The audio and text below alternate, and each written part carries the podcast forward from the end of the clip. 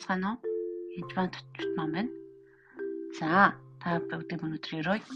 Учир нь зүүн шудрах хүнийг өрөөдөг нь эзэн та билээ. Та түүнийг бамбаагаар халахлах шиг таалаараа хүрээлнэ. Дуулал 5:12. Тэр үзэн үнэхээр та бүгдийг өрөөдөг байгаа. Зүүн шудрах хүнийг өрөөдөг бас хамгаалдаг байх нь. Тэгэхээр та зүүн шудрах байх хэрэгтэй гэсэн үг. Аа тэгээд эзэн үнэхээр таалал өрөөл гэж гайхамшигтай зүйл шүү. Та бүхэнд би нэг хэдэн жишээ хэлчихье гэж бодсон юм. За эхнийх нь жишээ. Би гэдэг хүн нэлийн багхан цалинтай ажилд орж ирчээд тэгээд дээрээс нь ажиллах эрхийн зөвшөөрлөг авах гэдэг маш хэцүү байсан Америктээс энэ. Тэгээд уг нэг аач ихтэй ерөөсөө болохгүй. Тэгээд яг маргааш хичээл хэлж байхад хичээл гэж байгаа юм шүү дээ. Нөгөө ажиллахынхаас зөвшөөрлөг авах гээд хүнтэй уулзаад зогсож исэн. Уулзсан. Тэгсэн чинь олон хүмүүс нэг мөршин шаваад тэгээд ерөөсөө тийм цаг нь олдохгүй. Арай ч үгүйс нэг цагт орсон чинь аа өсвөлдөө нэг нэг ер нь хүлээж авдаг газар байгаа бүр хоёулын зэрэг суулгаад тэгээд улаан цай нөгөө хүн маань ажил хийтэйсэн учраас ууралсан маргааш ажилтаж чамайг ажиллана гэж одоогүй мдээгүй байхад ягаад математик их юм гэрээ хийж байгаа гэдэг аа маш хэцүү байсан. Тэгээд би эзнээс гуйсан л та эзэн таны нэг үсэлээр энэ хүнийг хүчиж өгөөч бид нэр хүчиж өгөөч та туслаач. Тэгэхээр таны таалал миний дээр байгаа бол туслаач гэж би яг гуйсан. Яг гуугаад дуусаагүй байсан чинь өрөөнд ингэ цаан гэл гараад тэнгэлж орж исэн л дээ. Би тэнгэлжийг нэг хайхтар хардаггүй ч гэсэн мэдэрдэг байгааг мэддэг. Тэгэл тэр хүн юм мөрөн дээр гараад тавьсан ба. Тавьсан чинь нөгөө хүн чинь 180 градус зэрэгсэн. Шууд л нүдэн дээр нөгөө хүн чинь эндийг л баясаал гэсэн эндээс нөгөө юм гаал. Өө тэгэлгүй яах вэ? Баярлалаа маа дэрж ингэж ажиллаж чад бид өндөр башигтайгаар шүү гэж. Шууд л тэр дараа бичээл мэ гэж өчгсөн. Тэгсэн л хүн юу юу яваараа хөдөлмөрийн хэлцэн төрлөө яваараа гэж хэлэл хүний нөөц рүү яваараа гэж Тэгэл баг 20 хэдэн минут загнасан хүмүүс залбирал дууссан чинь 2 минутаар бүх юм хийгээд өгсөн. Живтэйгэн баяртай хүмүүлдсэн. Тэгээд энэ үчлэн заримдаа одоо арьс өгний үзэлтэй ч юм уу ажил болохоор янз янзын ажилдаа төрсэн хүмүүс ер нь хэцүү хүмүүстэй ажиллах тохиолдол гардаг л да. Бүр эсрэг дургу, надад дургу хүмүүс хүртэл байдаг.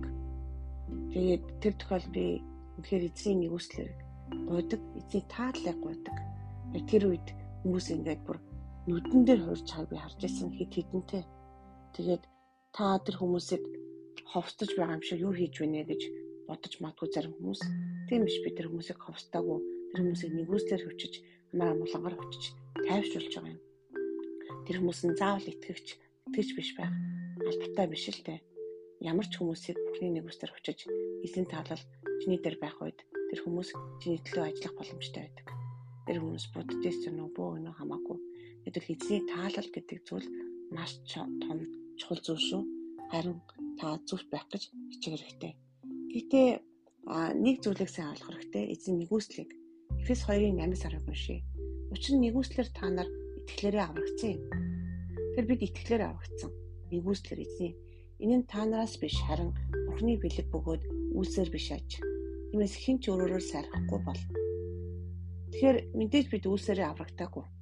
Тийм учраас эзэн нэгүслийг сайн ойлгох хэрэгтэй. Итгэвч болонгууд яг л өв залхамжлах шиг. Чи сайн байна уу, муу байна уу л хамааран өв залхамжлагч чи өв залхамжилдаг. Зүгээр л нөгөө хүний нэгүслэр, нөгөө хүний инэрлэр энэ бүх зүйл ботдог болдог гэсэн үг. Өв залхамжлагч нь ямар байх нь юусоо хамаатай биш чи тэр хүний удмын хүн байх ёстой. Үнэхээр бурхны хүүхдүүд болдог байгаа бид нар Иесуст итгэх үед. Энэ танаас биш. Үнэхээр биднээс биш. Тиймээс хэн ч өөрөөрөө сарахгүй болно.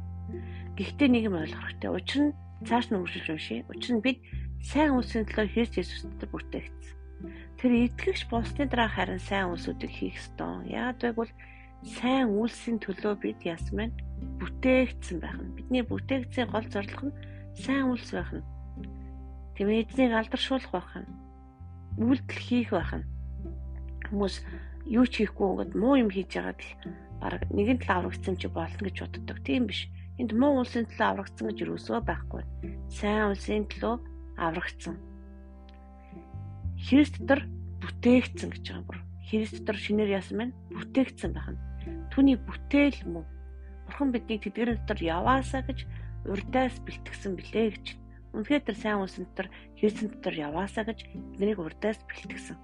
Тэгээ тэрийг мартаж болохгүй. Тэгжээж бид нэр зүвт байж ич зүвт байх үед харин энэ дуулал 5:12 дээр байдаг шиг зүв шудрах хүнийг эзэн яадаг гэж нь өрөөдөг. Улам таныг улам улам өрөөх болно. Хүмүүс намайг өрөөж өгөөч гэж дандаа тэгж гуйдаг л та. Өрөөгцөн гэдгээ мэдэх юм маш чухал. Харин тэгээд эзэн өрөөхтө та түүний бамбаагаар халахлах шиг таалаараа хүрээлэн гэж байна. Эзний бамбаа бол ганцхан нэг талд нэг баруун талд ч юм уртлыг хардаг бамбаа биш. Хүрээлэн гэж байгаа үстэй. Хүрээлэн гэдэг нь тойрсон гэсэн үг. Эзний бамбаа ингээд тойрдог ба. Энд итгэлийн бамбаа буюу галцсан хамгаалдаг итгэлийн бамбаагаас өөр бамбаа. Энэ бамбаа юм эргэн тойронд ч юм байдаг юм гэр шиг бүр ингээд тойрцсон тийм бамбаа байдаг. Яг энэ бамбаатай үед яадаг гэхээр муус ус эзэж ордож гар хурж өөрт чинь чаддаггүй байгаа. Аа тэгээд та түнчлэн өөрөө асууж залбирах юм бол одоо юу гэдгийг ямар ч гадаа явж байгаа ямар ч одоо тийм муухай артай хүмүүсийг шууд л залбирдаг. Би гэхдээ сайхан артай бол гэж залбирдаг. Эзэн та нэгүслэр очиж өгөөч. Энэ үний асуу ямар асуудал байгаа юм. Та тэр бүгдийг та өнөхөр ойлгуулж харж тусалж өгөөч гэж залбирдаг байгаа. Чин сэтгэлээсээ тэрнээс биш одоо өөрийнхөө таалалд нийцүүлэх гэж бүх хүмүүсийг удирдах гэсэн үг биш. Харин тэр хүний амьдралын төлөө чин сэтгэлээсээ сайныг үсэн гуйдаг байгаа. Тэгэхэд эзэн бол эзний таалал таны дээр байна гэдгийг та үнэхээр мэддэг болно. Тэгэхээр үнэхээр та бүгдэн дээр эзний таалал байх болтгой бамбаа шиг бүр хүрээлэх болтгой. Тэгэхэд өнөөдрийн өдрийг та бүгдийг өрөөж байна. Иесус Христосийн нэрээр.